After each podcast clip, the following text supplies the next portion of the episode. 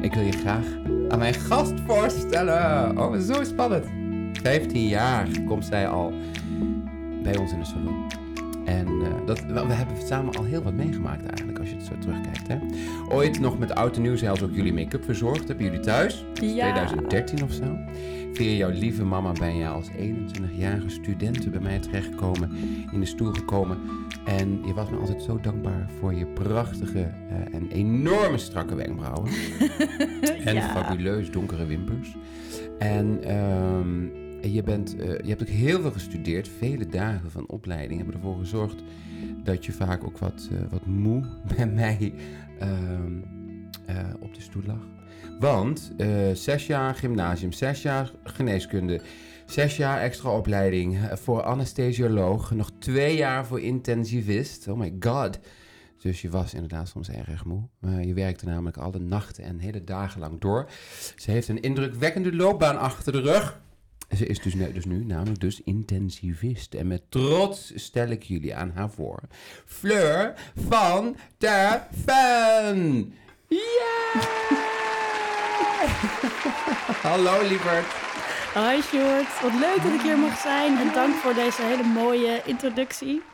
Wat is nou eigenlijk een intensivist? Ik ben benieuwd of mensen dat op Instagram hebben geraden dus. Nou, een intensivist is geen bakker, maar, maar het, is, eh, het is keuze nummer twee. Het is Keuze nummer twee. intensive care specialist en het is, eh, ehm, het is een subspecialisatie. Dus de meeste van mijn collega's zijn anesthesioloog, zoals ik. Dus dat Ja. zijn mensen die op de operatiekamer narcose geven, onder Mensen andere. lekker laten slapen. Precies.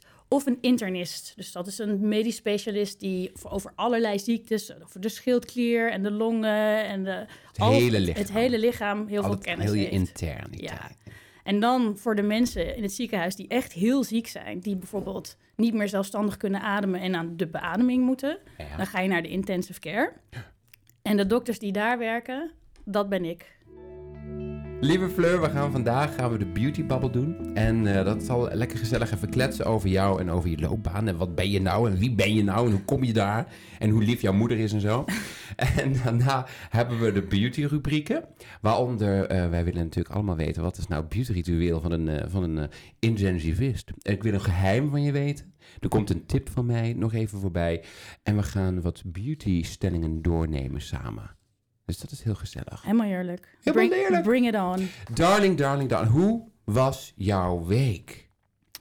Mijn week was, eh, mijn week was eigenlijk heel relaxed. Dus ehm Een relaxed weekje. relaxed weekje. Ik, eh, dus ik verdien mijn geld als intensivist. Dus ik werk in het ziekenhuis. Momenteel in het Rode Kruis ziekenhuis in Beverwijk. Ook wel bekend als het brandwondencentrum. Oh ja, my god. Dus dat, eh, dat doe ik. En wat ik daarnaast doe, is eh, onderzoek. Ik doe onderzoek naar beademing. En dat doe ik in het Amsterdam UMC. Dus ik combineer die twee dingen. En dat vind ik ontzettend leuk. Onderzoek naar beademing. Ja, Dus niet hoe, hoe mensen ademen, maar de, hoe ze worden beademd. precies, precies. Dus wat onderzoek je dan? Hoe ze nog beter kunnen ademen. Ja, dat hoe we dat veilig kunnen doen. Ehm, en of dan de manier hoe je ze beademt invloed heeft op de uitkomst. En de uitkomst bij ons, ja, dat klinkt een beetje ongezellig, maar is doodgaan. Dus als je slecht beademt, ga je dan sneller dood. Dan ga je, ja of nee? Oh, zo op die manier. Ja, ja, ja, ja, ja. Want ik weet dat jij al die blaadjes... Ja, het was heel interessant om jou een beetje te researchen. Eh, want ik weet dat jij... eh, want je werkt enorm hard. Ja, en wat wel een beetje bijzonder is... is dat je natuurlijk wel gaat promoveren. Want jij bent... Waar heb ik het nou toch opgeschreven? Je bent, oh ja, een proefschrift aan het schrijven. Ja. Dat betekent dus dat je gaat promoveren, maar Ja. dat doe je in combinatie met een fulltime baan. Hoe doe je dat? Ja, dat is, heet het, het is een beetje creatief met tijd omgaan. creatief met kurk, creatief met tijd. Creatief met tijd. En eh, het, het werk wat we doen is natuurlijk ook s'avonds en s'nachts. Want dat stopt niet om vijf uur 's Oh, ja, middags. ja, ja, ja. Hè, dus als ik s'avonds en s'nachts werk, dan... En dat is echt niet zo dat je de hele nacht in, vol in actie bent. Ik zou, eerlijk, ik zou heel tof kunnen doen, maar dat is gewoon vaak niet zo. Gelukkig maar. Toch? Zeker, het is altijd beter als ik niet in actie hoef te komen. Maar als het dan rustig is geweest, s'nachts, dan slaap ik. En dan kan ik overdag kan ik gewoon aan mijn stukjes schrijven. En zo probeer ik dat goed te doen. En ik heb ook ehm, de mensen die me daarbij helpen, die hebben het project ook wel zo gemaakt dat het mogelijk is om dat naast een bijna fulltime baan te doen. Oh, zo, zo. Dus je dus hebt veel hulp. Heel veel hulp. Er zijn, als dat proefschrift afkomt, en dat komt af, Ooit. dan is dat echt te danken aan heel veel mensen die me daar waanzinnig, uh, waanzinnig bij helpen. Oh, wat fijn. Ja. Want, um, vraag, oh my god, het is heel oppervlakkig misschien hoor. Maar Grey's Anatomy, weet je wel. Komt jouw leven een beetje overeen met die van Meredith Grey van Grey's Anatomy? Was het maar waar, was het maar waar. Uiteraard weten we allemaal natuurlijk dit antwoord, maar het is toch... Nee, want weet het, het is wel leuk dat je daarover begint. Kijk, iedereen denkt natuurlijk meteen aan Dr. McDreamy. Nou, er zijn zeker wel Dr. McDreamy's geweest door de oh, jaren heen. Maar goed, Shepard. Ja, precies. Maar heet het met name in Grey's Anatomy is elke dag komt er ook medisch inhoudelijk. Het is heel spectaculair, het is heel zeldzaams. Maar net als in elk werk is er ook gewoon heel veel routine. en oh, is het, het klinkt zo spannend, maar dat, dat is het eigenlijk niet. Het is gewoon leuk werk. En af en toe is het spannend, maar heel vaak is het ook gewoon heel stabiel. En dat is denk ik ook een hmm. teken dat je goed bezig bent. ik wou het zeggen, gelukkig wel. Oh ja, want daar is natuurlijk iedere week is het zo... Oh, dan komt dat weer binnen en heeft die weer een lintworm... die dan weer ergens achter in het hoofd zit... waar die niet hoort te zitten. En dan, oh ja, allemaal dat soort dingen. Precies. uh, heb, uh, ja, je hebt natuurlijk een beroepsgeheim... dus daar kan je helaas niet veel vragen over. Hè? Heb je ooit een lintworm achter een oog gevonden? Maar uh, heb je een, een grappige... grappige onlangs iets, iets raars meegemaakt? Oeh, dat is een goede vraag. Met raar, een, een heel rare patiënt of een raar... ja, weet ik niet. Dus dan denk je nou, oh ja, ik heb een... Ja, weet ik niet. Maar inderdaad ergens een beestje uitgevist of zo. Even kijken, nou dat niet zo per, se beesten, maar het is natuurlijk wel zo, uh, bijvoorbeeld in het brandwondencentrum, dat je heel vaak hele bijzondere patiënten ziet. En oh ja, als mensen bij ons komen, hebben vaak ook een bijzonder verhaal hoe nou zoiets tot stand is gekomen. Dus ik moet zeggen dat uh, ah, ja, ja, ja. In dat, voor, voor de brandwondenpatiënten, elke patiënt is echt uniek en heeft een heel bijzondere aanloop naar waarom ze bij ons zijn. Bijzondere aanloop, wat dus eigenlijk betekent dat het inderdaad bijzonder, bijzonder veel pijn met brandwonden. Oh my god. Is het nou iets waar je dan gaat, in gaat specialiseren of dan alleen maar bezighoudt met het direct dus meteen verzorgen van de wonden en niet de opvolging ervan? Nou, de wonden worden echt gedaan door speciale brandwondartsen. Die hebben echt verstand van, van elke vorm van brand en, en ernstige huidwonden. Ja. Dus dat is hun expertise samen met de plastische chirurgen. En ik ben dan eigenlijk gewoon voor het stukje intensive care. Dus zeker in het begin zijn die mensen heel ziek. hè, mhm. dus dan ligt ze aan de beademing en soms aan de nierdialyse. En dat is dan mijn uh, ons stukje. En dat doe ik. Maar het gedeelte echt van de verzorging van die ernstige wonden dat doet echt een gespecialiseerd team. Ik moet zeggen dat ik werk daar nu een jaar.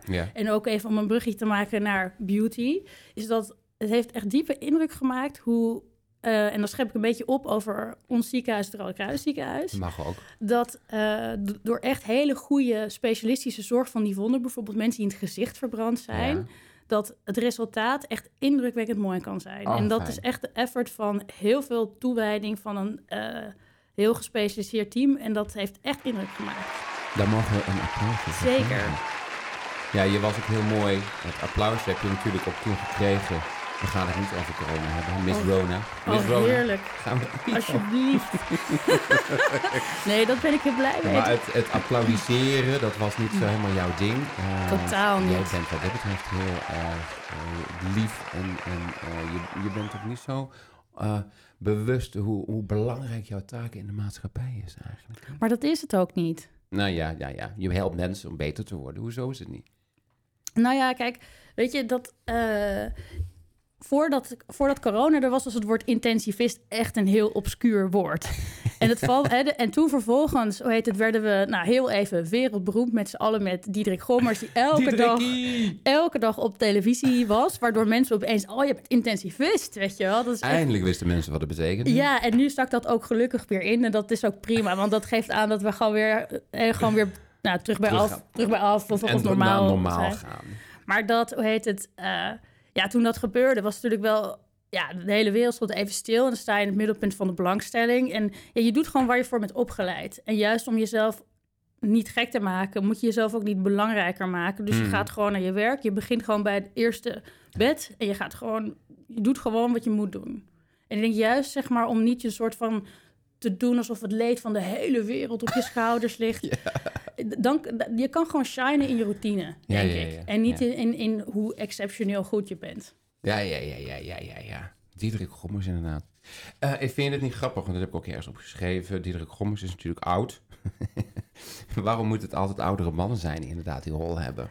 Ja, dat is, weet je, dat is wel grappig dat je dat vraagt. Want weet het, uh, Diederik Gommers heeft echt het heel goed gedaan. Laat, laat dat voorop staan. Want hij heeft gewoon elke, elke avond heel geduldig weer alles uit te leggen. Dat deed hij heel geduldig. Heel, heel geduldig. Lief. Maar het is wel zo dat, wat mij ook opviel, is dat uh, het beeld wat naar buiten werd gebracht. Je had enerzijds zeg maar de intensivist, een hoogleraar, een oudere man, blanke oudere man. Dus eigenlijk het, het, beeld wat de meeste mensen van een dokter hebben. En dat komt eigenlijk helemaal niet meer overeen met de realiteit. Nee, Want toch? bijvoorbeeld uh, in onze staf. Uh, we hebben twee mannelijke intensivisten en de rest zijn allemaal vrouwen. En het zijn allemaal, allemaal power ladies. Weet je, ze zijn super fit, uh, hartstikke knap. Ze doen allerlei leuke dingen. Ja. Ze zijn allemaal moeder en ze doen dat allemaal naast dat, dat werk. Dus ik denk dat dat beeld wat naar buiten, zeg maar op de mainstream televisie kwam, helemaal gelukkig niet meer helemaal overkomt met hoe het is. Ja, fijn. Fijn. Dietrikje. Ja. Um, jij kleed je altijd heel perfect en heel mooi, hè? En ook in, je Dank je. nacht, ook in je nachtdiensten, hè? Ja, Hoezo doe je dat? ja dus zo weet het. eh, dat is leuk. Wat Ik, ik, Geef dat mee. Nou ja, dus, je? dus bijvoorbeeld met s'nachts werken. Dat toen ik nog assistent was. En ik heb vele jaren assistent geweest. Dan moet je s'nachts nachts werken. En dan moet je ook de hele nacht wakker blijven. Dat was, dat moest. Nou, ik, ik vond dat echt vreselijk. En dan zeven nachten achter elkaar. Oh my god. En om daar toch zin in te krijgen, om daar zin voor te maken, ehm, ging ik altijd, en toen droeg ik nog wat meer make-up dan nu, gewoon lekker helemaal in de maquillage, om dan daar naartoe te gaan, om ook te kunnen presteren. Mhm. Dus heel veel mensen hebben zoiets ah, ik doe lekker relaxed, ik doe geen lenzen in, maar mijn bril, en dat is natuurlijk helemaal prima. Maar voor mij, om te kunnen performen, en ook ochtends dan weer voor de hele groep te, te vertellen hoe de dienst geweest was. Ja. Ehm, Oef, moest dat ja allemaal, ja. ja, en dan, ben je, en dan ben je kwetsbaar, je bent gewoon moe. Je bent heel moe dan. Is het ook een soort van je, ehm, ja, je wapenrusting, hè? je armor, om gewoon daar te staan en van hier ben ik. Dat ook als het, als het zwaarder wordt, als je er een beetje doorheen zit, dat je gewoon weet, maar ik heb mijn gezicht. Dus beauty geeft jou power. Absoluut, absoluut. Oh, fijn. Oh, wat lekker. Goed zo, meid. Eh, beauty, ja, heb je nou ook veel dokters als vrienden? Ja. ja, dat is een beetje onvermijdelijk. Want het werk in een ziekenhuis is natuurlijk een beetje een, een dorp. Zeker, het Lijkt is een mij. heerlijk dorp, ja. lijkt me echt heel... Ik ben niet bang voor ziekenhuizen. Ik vind het heerlijk. Als er iets is, denk ik, yes, ik mag weer. Eh, gisteren had mijn, wat mijn schatje, die eh, had, die, die, had, die was, wat was het nou? Hij was gesneden, ja, hij sneed zichzelf. Dat was een heel klein dingetje. En ze zei, oh, moet je naar het ziekenhuis? Hij heeft helemaal zin in. Dus ziekenhuis vind ik leuk. Ook inderdaad het hele dorp-idee. dat lijkt me inderdaad fantastisch. Hoe is het inderdaad voor je sociale netwerk? Heb je dan wel eh, naast die dokters ook nog vrienden buiten dan eigenlijk dat hele dorp?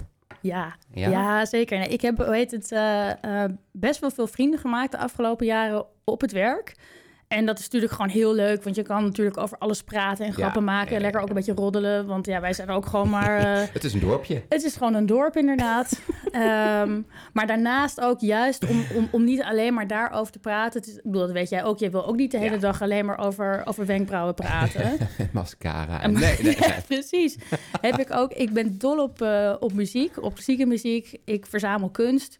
Dus ik heb ook heel veel kunstvrienden. En dat is gewoon super leuk om weer andere dingen te leren en andere mensen te spreken. En echt met andere dingen bezig te zijn. Om een beetje te relaxen van dat werk. Even niet. eh, ja, ja, ja. En wat voor kunst verzamel je dan eigenlijk? Ik verzamel moderne kunst Ja? van levende kunstenaars.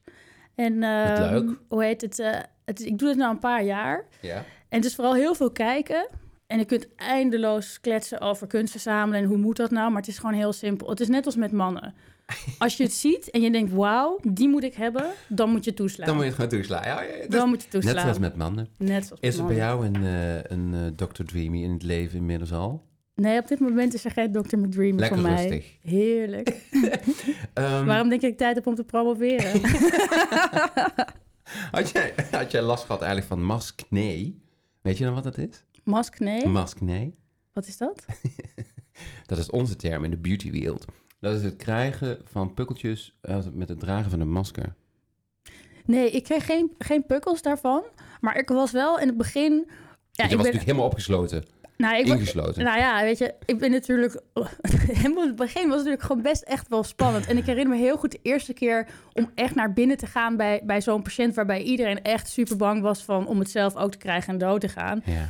Maar wat tegelijkertijd ook wel meespeelde... we hadden uit Italië natuurlijk allemaal foto's gezien van verpleegkundigen... met zo'n gezicht vol met streamen. En toen dacht ik, ja, ik wil toch niet allemaal van dit soort littekens in mijn gezicht. Dus toen ben ik heel erg ook in beauty gaan investeren... omdat ik denk, ja, maar dat moet ik gewoon niet hebben... want er is vast ook een leven na corona. Wat is het bloederigste wat je ooit hebt meegemaakt? Het bloederigst, als in letterlijk... Ja, ik heb echt, eh, weet het... eh, eh, Wil ik het horen? Ja, short uit elke lichaamsholte heb ik verschrikkelijk veel bloed zien komen. Mensen met ernstige ongelukken. Oh, dat is niet leuk. Nee, nee maar dat is, weet je, dat is, een, dat is een onderdeeltje ervan. Het hoort erbij. En, eh, Moest je daaraan wennen, aan bloed? Of was je gelijk meteen zo'n zo'n meisje of mens die het terug kon handelen? Of, of ja, hoe was dat de eerste keer dat je het iets... Hoe was dat? de eerste keer als je inderdaad iets heel spannends ziet... dat iemand echt heel benauwd is of heel veel bloed... dan, dan is dat, maakt dat gewoon heel veel, heel veel impact. Maar Ja. eigenlijk het eerste wat in me opkomt... is ik was, eh, mijn eerste baan was ook op de IC... maar dan als arts niet een opleiding. Dus je, je komt daar met je goede bedoelingen... en verder niet heel veel anders. Ja. En eh, dat was de allereerste keer dat er iemand doodging. En dat is een hele oude dame. En toen moest ik daar naartoe gaan, zeg maar. Hè. Dat is een heel ritueel. Dan moet je het lichaam schouwen. Dat je hè, met zo'n stethoscoop eh, luisteren. En dan, eh, nou, is overleden. Het was een hele oude meneer die daar zat bij het bed van zijn vrouw. Die moest zo huilen. En ik vond het verdriet, zeg maar, en ook de liefde die je dan ziet, dat, ma dat maakte heel veel indruk. En dat is iets waar, ja, je, wen is misschien niet het juiste woord, maar het maakt nog steeds, als je zoiets ziet, heel veel indruk. Mm, mm. En dat, dat maakte, eigenlijk- kwam eigenlijk meer binnen dan als je iemand ja, ziet verbloeden of, of, of iets anders. Ja, ja, ja, ja. Ja, dat is wel, dat, is, ach, dat zijn toch dingen die we als normaal nee, gewoon niet meemaken. Maar voor jou is het zo, zo norm- normaal inderdaad. Want neem ons eens, eens mee in een dagje, gewoon één dag in, in, in jouw leven. En dan natuurlijk op de intensive care. Gewoon één dag.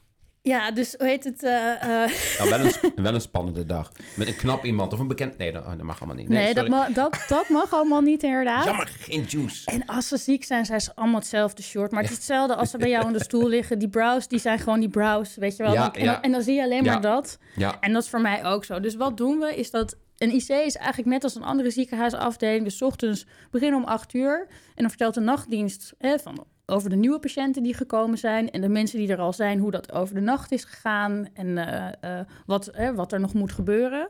Dus dat hoor je dan aan. En dan vervolgens ehm, ga je met je artsassistent langs die patiënten. Dus dan ga je Ja. even van de verpleegkundige horen van... hé, hey, hoe is het? Want die hebben vaak heel goed in de gaten wat er al moet gebeuren. Dus dan krijg je al heel goed een idee. ja. Dus dan ga je gewoon eens even kijken van, nou, weet je, wat moet er vandaag gebeuren? Wat wordt het plan? En daarna gaat de assistent, en ik help daar vaak ook nog bij mee, gaan we een status schrijven. Dus dat is eigenlijk een dagrapportage van wat voor problemen heeft die persoon? Met name, waarom is iemand nog op de IC? ja. Wat moeten we doen om ervoor te zorgen dat dat niet meer zo is? Dat is zo snel mogelijk. Precies. Ehm, en, en, en moeten we bijvoorbeeld, is er, hebben we alles onder controle? Of hebben we nog de reden om te zeggen, we moeten nog een keer een CT-scan maken? Kloppen alle medicijnen? En vaak smiddags, eh, smiddags hebben we een multidisciplinair overleg. Dus dan komt ook de, microbioloog. Want in Nederland, en dat vind ik echt gaaf, wij hebben echt het allerbeste antibiotica-beleid van de wereld. Dus Ja, we gaan daar super zorgvuldig mee om, zodat je niet ook allemaal resistentie krijgt. Ehm, andere dokters komen daar ook, de chirurgen. Dan bespreken we gezamenlijk van waar staan we nu en wat gaan we doen. En dan smiddags praat ik vaak met eh, familieleden. Dus eh, of als, als het slechter gaat, dan ga je Mm. mensen natuurlijk o- on-demand bijspreken. Maar vaak mensen die wat langer liggen, dat je gewoon elke week een afspraak maakt om te bespreken van waar staan we nou, maar ook om een beetje perspectief te geven ehm, hoe lang het allemaal nog duurt. Ah, ja, ja, dat is natuurlijk belangrijk. Ja, want wij als dokters uiten wij ons vaak heel vaag, omdat je heel erg bang bent, je wil geen verkeerde verwachtingen scheppen. Dus dan zeg je bijvoorbeeld, het kan nog een tijdje duren. Ja. Maar je zal daar maar liggen met zo'n plastic buis in je strot. Dan is vijf minuten al lang. Ja. Dus dat je dan op die manier ook gewoon soms ook wel lastige gesprekken kan voeren van ja, het kan zeker nog weken tot maanden duren. Ah, maar dat ja. in ieder geval mensen wel weten waar ze aan toe zijn. En dat is vaak familie, want de patiënt is meestal te ziek om deel te aan nemen het- ja. te sp- aan zo'n gesprek. En dan is dan, s ochtends doe je dit. En dan, heb je die samen dingen allemaal. Daarna ga je dus met familie of pra- En dan, dan, wanneer eindigt het? Ja, we eindigen eigenlijk wel, want dat is zo heerlijk van intensive care. Het, het is een dienstenvak. Dus het is niet zo dat ik mijn eigen patiënten heb, zoals misschien een neuroloog Oh, of een ja, cardioloog. ja.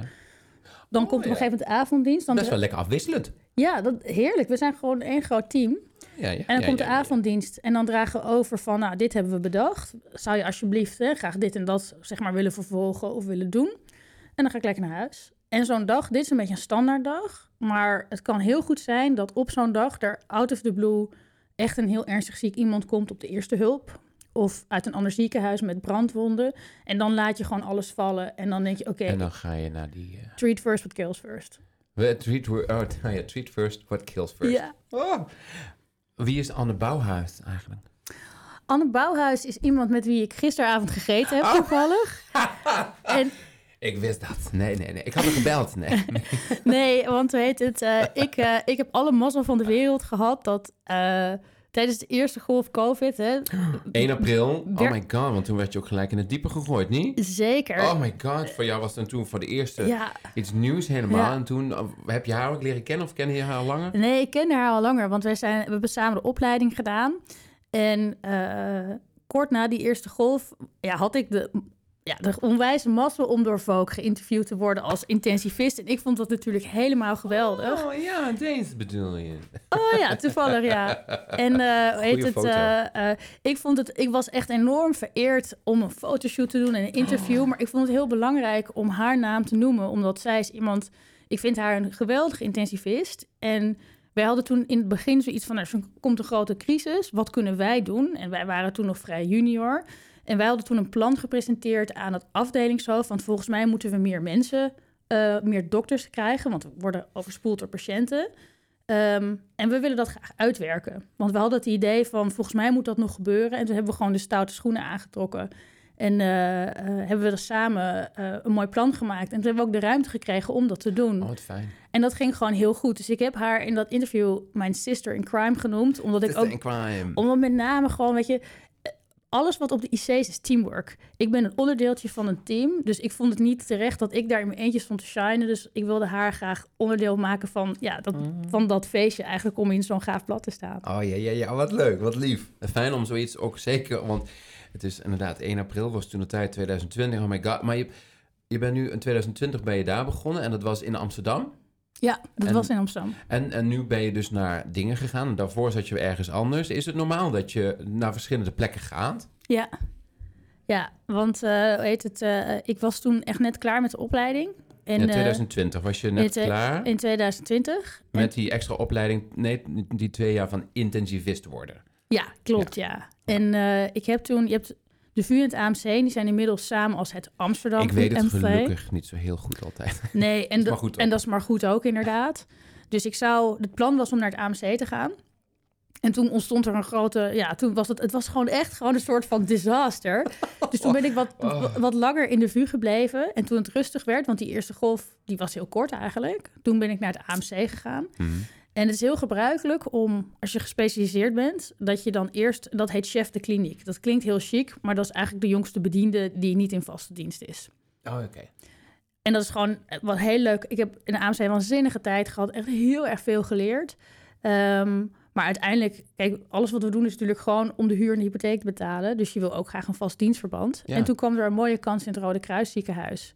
Prachtig. Ehm, en hoe heet het? Ja, toen hoe heet het, heb ik natuurlijk meteen gedacht van ja, dat ga ik doen. En eh, ik heb daar een mooie kans gekregen.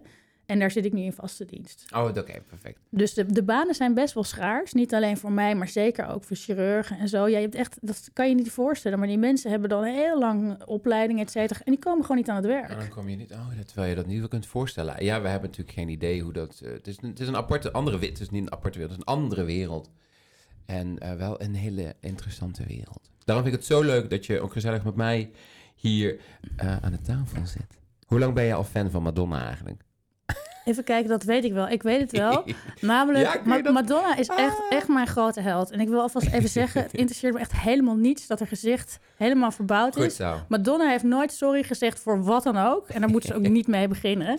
Maar ik was denk ik een jaar of acht of negen of zo. En toen zag ik op tv die, die film Who's That Girl. Ja? En ik vond de Och. muziek vond ik geweldig. En zij was dan zo'n ja, enfant terrible die net uit de gevangenis kwam. En ik zag die vrouw en toen dacht ik helemaal, ja, Wie is zij? wie is dat? Ja, Dus is je girl, girl crush. totale girl crush. Ja, girl Nooit crush. overgegaan.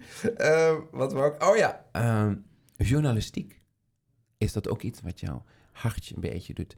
Maar je bent toen eh, in een gymnasium, had jij de keus... Je wist nog niet wat je wilde, journalistiek hè, of art. En toen ben je arts gaan doen. Waarom is journalistiek eh, zo... Vond je dat ook interessant? Wat heeft dat mee te maken? Wat was dat stukje... Je hebt echt goede research gedaan, zeg. Ik vind het echt een helemaal alsof ik bij Ivonie zit, zeg. maar dan leuker. Ivonie, shootvis, ja. Nee, ik denk dat het komt om twee redenen. Ik, of eigenlijk drie redenen. Ik heb schrijven altijd leuk gevonden. Ja. Ik ben nieuwsgierig naar dingen. Mhm. En de belangrijkste reden is dat mijn vader was journalist. Oh ja. Ben je papa's kindje of mama's kindje? Papa's kindje. Papa's kindje, oh dat is dan leuk.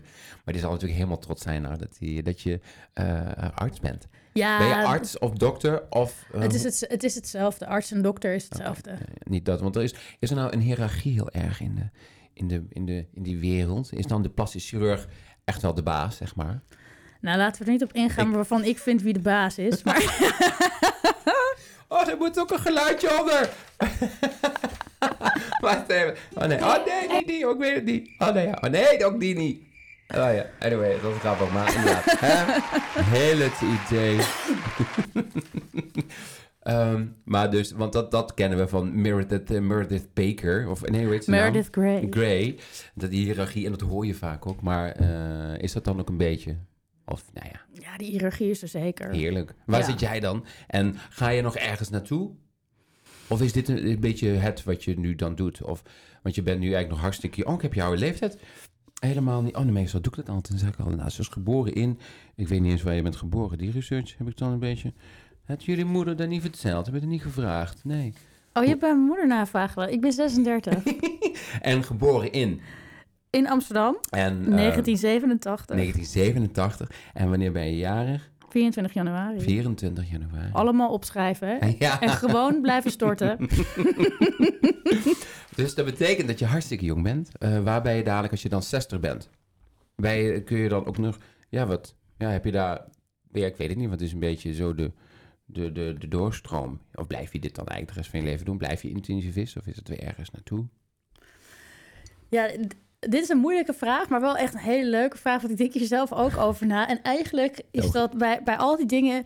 ehm, alles wat ik gedaan heb, ik ben gewoon begonnen omdat ik dacht, dat vind ik gewoon gaaf. Dus Ja. dokter worden, dat leek me gewoon gaaf. Dus ik ben geneeskunde gaan doen. Ja. En toen dacht ik, wat moet het gaan worden? En toen zei mijn beste vriendin in de tijd, die zei, weet je, je moet gewoon op de IC gaan werken. Dat is altijd goed. en toen dacht ik, dat, nou, weet je, toen dacht ik, ja, dat ga ik gewoon doen. Dus ik stapte daarin en nu ben ik onderzoek gaan doen, wat ik hartstikke leuk vind. Het is soms ook, ja, gewoon hartstikke lastig en een struggle. Mhm. Maar ik heb zoiets van, eh, ik ben hier nu aan begonnen en dat gaat ook weer tot mooie dingen leiden. Mhm. En intensivist zijn, eh, ik zie mezelf dat nog geruime tijd doen, want ik vind het heel erg leuk. Ik vind het ook ongelooflijk leuk om eh, met mensen die als artsassistent komen werken bij ons, eh, dingen te leren. En- Artsassistent is dus iemand een opleiding? nee, bij is ons zijn ze de? Nee, dus kooschappen is als je nog niet afgestudeerd bent als dokter. Dus in de geneeskundeopleiding nog in doet. de genees, maar daarna eigenlijk de meeste, dus die zijn dan klaar. Dus dan heb je eigenlijk je, ja, wij zeggen license to kill, maar het is gewoon je rijbewijs, maar dan Ja. moet je gaan leren rijden. Ja. En dan komen ze bijvoorbeeld bij ons werken. eh, dus dat zijn bijna altijd beginners. En dan vind ik het ontzettend leuk om als we dan, hè, zoals ik vertelde net, dat je dan 's ochtends bij zo'n patiënt staat om dan dingen uit te leggen. En zeker om dan een zaadje te planten van dat mensen denken, oh, dit is leuk, Oh, weet je. Ja. Ehm, en ze, en ze ja, te helpen naar een volgende stap in hun carrière. Oh, ja, ja, ja. License to kill, license to, to, to License heal. to heal, License ja. to heal. Maar dan heb je ook de, ja, je kunt license to kill. Dat is om het luchtig te houden natuurlijk, want het is best wel een zwaar iets, denk ik. Ja, precies. Dus, Dus, er dit- moet veel humor zijn, denk ik, of niet? Ja, natuurlijk. Ehm, ik vond het leuk om in ieder geval even zo even die beauty bubble te hebben, maar we hebben nog hele andere leuke dingen. Oh. ja. Oeh. Ik wil van jou heel erg graag weten wat, en dat wil de luisteraar ook natuurlijk weten, wat is nou jouw beauty ritueel? Mijn beauty ritueel begint eigenlijk s'avonds. Ja? Ik vind het echt heerlijk. eh, het is een paar jaar s'avonds gaan douchen. Om even te relaxen van het werk. Om het echt letterlijk van je af te laten spoelen. Dat vind Mhm. ik gewoon heel fijn. En ik ben ja, veel meer gaan investeren in gewoon, gewoon goed onderhoud. Dus eigenlijk het, aller, het allerbelangrijkste was stoppen met roken. Ik denk dat je dat helemaal met me eens bent. Dat Ja. als je... Je gaat natuurlijk dood, maar je wordt er ook gewoon echt hartstikke lelijk van. Ja, een beetje wel. Ja, dat zeg ik gewoon echt zoals het is. Je wordt er niet mooier van, je gaat niet lekker ruiken. Maar goed, anyway, dus eh, ik ben helemaal fan van de Double Cleanse met olie Oh en, eh, en een, eh, een, een foamy, Ja. ja, hoe zeg je dat, cleanser? Foamy cleanser, ja. Dus echt je gezicht goed schoon te maken. Vroeger ging ik heel vaak gewoon met make-up naar bed, maar dat doe ik dus echt niet meer. En dat, dat zeg ik niet om tegenover jou, maar dat is echt zo. Ja, haha, hè, want je moet wel de juiste dingen zeggen. Want ik zit natuurlijk tegenover je. Dat kan je zo... Precies. En ik gebruik een serum en een nachtcreme. ja. En dankzij jouw lieve Gabi, die heel vaak, eh, of heel vaak, maar die, zij doet heel vaak ook mijn wenkbrauwen en gezichtsbehandeling, heb ik van haar, eh, heeft zij me gewezen op een heerlijk masker van Maria Galan, om dat één keer per week te gebruiken. En- Welke? Oeh, dat weet ik niet. Waarschijnlijk de twee of zo, denk ik. Of waarmee je kunt slapen. ja, waarmee je kunt slapen. Oh, de glow. Dia. Ja, ja, ja. Ja, en die vind ik echt heerlijk. En dat is eigenlijk wel dat het, het beauty, eh, het ritueel zit hem gewoon in elke dag hetzelfde doen. En s ochtends doe ik lekker een toner en een andere serum en een dagcreme en eh, zonnecreme. Oh, goed zo. Hoezo zonnecrème? Nou, ik heb een beetje roodachtig haar. En daarom zijn mijn wenkbrauwen... Dus daarom ben ik al 15 jaar echt een short addict. Zijn eigenlijk van nature helemaal wit. Ja, ze zijn blond. Hè? Ja, Precies. ze zijn witte meisjes. Ja, en bij dat huidtype... Ik vond het vroeger als kind... ben ik een paar keer heel erg verbrand. En heb je van Mhm. die jaren negentig foto's hè, van de vakantie. Dan zie je zeg maar zo'n rode appeltoet. En dat vond, ik vond het nooit mooi. Dus ik ben het daardoor met je zon, gaan weren. En eh, ik smeer laagdrempelig veel zonnecrème op. Met name om gewoon niet te verbranden. En het is ook gewoon niet goed voor je huid. Dus dat zit er al heel lang in. Is dat ook een beetje jouw beauty secret dan? Of heb je een andere beauty secret? Want ik wil graag een beauty secret van Fleur, Fleur. Nou, mijn beauty secret is inderdaad... is gewoon elke dag eh, factor 50 Mhm. zonnecrème. En ik gebruik een hele lekkere van Shiseido. Oeh. Vind ik echt heerlijk. En het ruikt ook gewoon lekker. Zo'n vakantiegeurtje. Ja, zo'n vakantiegeurtje inderdaad. Net als Lancaster heeft ook een heerlijke zonnecrème. Dus dat doet me heel erg aan vroeger denken. Oh. Ehm, en eigenlijk een ander beautygeheim, want ik had daar even over nagedacht, is dat ik denk dat iedereen, ik ben benieuwd wie naar deze podcast luistert, maar hè, die drie, je moeder die drie moeder. mensen die er naar luisteren, is dat op een gegeven moment kwam er, ik ben gewoon heel gevoelig voor, voor marketing, voor, voor geur, voor, voor hè, mooie eh, uitvoeringen van, van crèmes, et cetera. Ja. Ehm, dat je erachter komt dat je gewoon 25 lippenstiften hebt en 8 dagcremes eh, eh, en, en, en 20 bodylotions. Dus ik probeer nu gewoon alles, te, gewoon alles wat ik heb te gebruiken en Ja. goed te gebruiken en regelmatig. En niet elke keer wat nieuws te kopen. En dan het geld wat je dan weer spaart, wat bakken is, dat je dan echt investeert in een goede facial. Zoals bij jou. Oh ja, ja. Maar ongetwijfeld zijn er ook andere goede plekken. En dat je dan ook eh, in plaats van dat je bijvoorbeeld bij een drogist, hè, waar je heel vaak twee voor de prijs van één kan kopen. Wat natuurlijk heel. En daar heb ik ook een enorme zwak voor. Maar als je nou even een keertje dat niet doet. En dat geld bespaart, dan kan je jezelf tracteren op zo'n heerlijk gezichtsmasker van Maria Galan. My god, mijn eigen persoonlijke PR-machientje heb ik hier Nee, maar het is gewoon echt waar. Dus eigenlijk is het vooral uit de zon blijven en, Ja. en smeren. Gewoon blijven smeren. en, en gewoon kijk eens wat je al, wat je al hebt. Ja. En dat is mijn beauty Oh my secret. God, Die was heel mooi. Ik heb een tip voor jou. Ehm, de Sjoerd Vis Beauty Tip. De tip van Sjoerd. Oeh, even kijken, wat doe ik hierop? Yay! Mijn tip voor jou, lieve Fleur, is... ehm, want jij wil er altijd flawless uitzien. En daar hoort scrubben heel erg bij. Eh, en dan vooral extra aandacht rondom het neusje, hè, want dan krijg je die velletjes niet zo. En, ehm, en als je wil, kan ik je ooit een keer een video van maken. Dat is wel leuk. Eh, oh ja, als je wil dat ik, jou een, dat ik een video maak voor jou als luisteraar, hè, hoe je nou precies je gezicht moet scrubben, dan stuur een yes, ik wil die video naar podcast.sjoerdvis.com. Ehm, maar ik geef jou als cadeautje. Ja. Haha, ik heb iets nieuws in de podcast. Ik krijgt van mij een cadeautje. Oh, dit is echt super. Dit is de nummer 41, de Gentle Exfoliating Cream van Maria Galant. Met gepolijste microparelbolletjes. Gehuld in een zachte en romige crème. en die verwijdert dus je superzacht je dode huidcellen. Daardoor blijft jouw make-up, want ik weet dat jij er flawless uit wil zien, meid. Blijft die dus ook de hele dag in je hele shift fantastisch zitten. Ehm, zeker tijdens die drukke dagen en tijden die je hebt. Tada. Ja, heel erg bedankt voor dat. Dat is echt super, want dan heb ik een vraag voor jou. Want ik scrub natuurlijk ook, maar hoe vaak per week moet je dat nou doen? Twee keer per week. Niet te vaak en niet te weinig. Twee keer per week in ieder geval. Ehm, wij gaan, yeah, dit is ook zo leuk, uh, beauty-stellingen doornemen. Kom, Oeh, even kijken, Bring even it kijken, even kijken. on. Even kijken, even kijken. Nou, natuurlijk een klein beetje op het eh, gebied, op jouw vakgebied. Penicilline is in Vietnam ontdekt om malaria te behandelen. Dat is meer eigenlijk een waar of niet waar vraag. Waar of niet waar? Volgens mij is dat niet waar. Oh, goed zo. Oh, I love it. Nee, want Alexander Fleming... Fleming. Ja, goed zo. Die ontdekte het in het St. Mary Hospital in eh, United Kingdom in 1928. Oké. Broccoli bevat meer vitamine C dan citroenen. Ja, Goed zo. Broccoli bevat inderdaad 89 milligram. En eh citroenen 77. En wat staat broccoli bevat, eh, bevat? Ja, die bevat dus inderdaad meer. De schedel is het sterkste bot van het menselijk lichaam. Oeh, dus even terug, terug naar die Oeh, hele dat- basis. Oh, dat is een oh, goede vraag, George. ik vind botjes leren altijd super saai. Dus ik denk dat ik hier echt hard op de man ga vallen. Maar ik weet wel, kijk, de schedel is een bot wat niet uit kan zetten. Ja.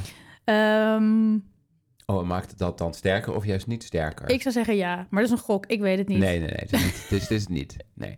Het is het dijbeen. Het, Ah. het fu- femur. Eh, het, fe- het femur. femur. Het femur. Ja, het is Ja, dijbeen. zo zie je maar. Hè. Eh, eh, ik, weet ook, eh, ik weet ook van alles maar een beetje. Hè? Ja, maar dit, dit krijg je ook helemaal aan het begin. Toen was het echt wel, wanneer was het? 19, eh, 1999 of zo. 2005. 2005. Ah, dus het dijbeen, het femur. Eh, bananen zijn bessen. Niet in mijn wereld. Het is wel waar. Is dat zo? Ja, een banaan is een bessensoort. Oké. Ehm, je kunt niezen terwijl je slaapt. Vast. Nee, niet. Nee. Als je in je remslaap bent, dan zijn, je, zijn de zenuwen die je helpen, eh, die je helpen niezen ook in rusten. Dus je parasympathisch zenuwstelsel, die slaapt dan ook. Nee, je sympathisch. ja. Het is parasympathisch. Nee, want die doet, die, dan ben je, als je slaapt, werkt je parasympathisch zenuwstelsel. Dat is toch je adem? Ja, ik weet het o- niet. onder andere, ja. Ja, ja, dus ook en het niezen, dat doe je als je wakker bent. Dus dan is het je sympathisch zenuwstelsel, whatever. Hoe kom je hierop, Sjoerd? Ik heb hier echt nog nooit over nagedacht. Ik wil een beetje gewoon googlen, een beetje gewoon rondkijken en dan vragen stellen. Ah, deze weet je wel. Je neus produceert bijna een liter slijm per dag. Eeuw. Is dat waar of niet waar? Jeetje, Mina zeg. Ik denk het wel, want het is echt, wij produceren echt heel veel slijm. Het is inderdaad waar, een liter per dag. Een Ik ben benieuwd wat voor stellingen je aan je andere gasten voorlegt. Nou, dit is pas de eerste keer dat ik het echt zo uitgebreid doe. dus dat is wel grappig. Een slak kan tot een maand lang slapen. Is dat waar of niet waar? Is het wel een beautystelling? Nou ja, slakken slijm, weet je wel. Dus ik denk, dat vind ik leuk. Slak. Vast wel. Nee, zelfs drie jaar. Oh, echt? Ja, my god. Oh, dit is ook leuk. Ehm, welk lichaamsdeel blijft je hele leven lang precies even groot? Dat is weinig natuurlijk, maar het, is wel, zijn er wel, zijn, is er wel iets. Welk lichaamsdeel? Oh, ik zit even te denken. Je hele leven dezelfde grootte.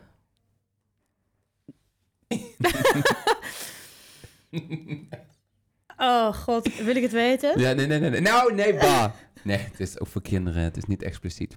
Eh, je ogen. Nee, maar je ogen worden toch groter? Nee, het is eromheen wat allemaal groter en inkrimpt en allemaal raar en wegvalt en, en collageen en alles. Nou ja, je ogen is helemaal een collageen. Nee, is hyaluronzuur. Dus nee, je ogen die blijven je hele leven lang even een mooi grondpolletje. Oh, wat grappig. Ik ga dat wel even nazoeken, want ik ben echt... Ik hoor graag, inderdaad. eh, het is van internet, dus eh, die hebben niet altijd gelijk natuurlijk. Ik vind het wel lekker hoe je zo eh, het vuur aan de schenen... Ik hou daarvan als een man dat doet. Wat? Mij uitdaagt. Ehm, met, hoe maakt... Oh ja, nou, oh, oh, oh. hoe maakt een skelet de deur open? hoe maakt een skelet de deur open? Met zijn sleutelbeen. Ah! Oh, yay! Die moeten we erin gooien. Oh, ik ben nog niet snel genoeg hiermee. Eh, oh, dit lukt allemaal niet, jee. Dit is ook de eerste keer dat ik grappige dingetjes zeg, hoor. We zijn gewoon een beetje aan het uittesten wat leuk werkt in een podcast. Lieverd. Het is alweer, ja. We zitten alweer aan het eind. Is er nog iets wat je wil vertellen? Is er nog iets wat je kwijt wil? Oh, wat, er, wat ik kwijt wil.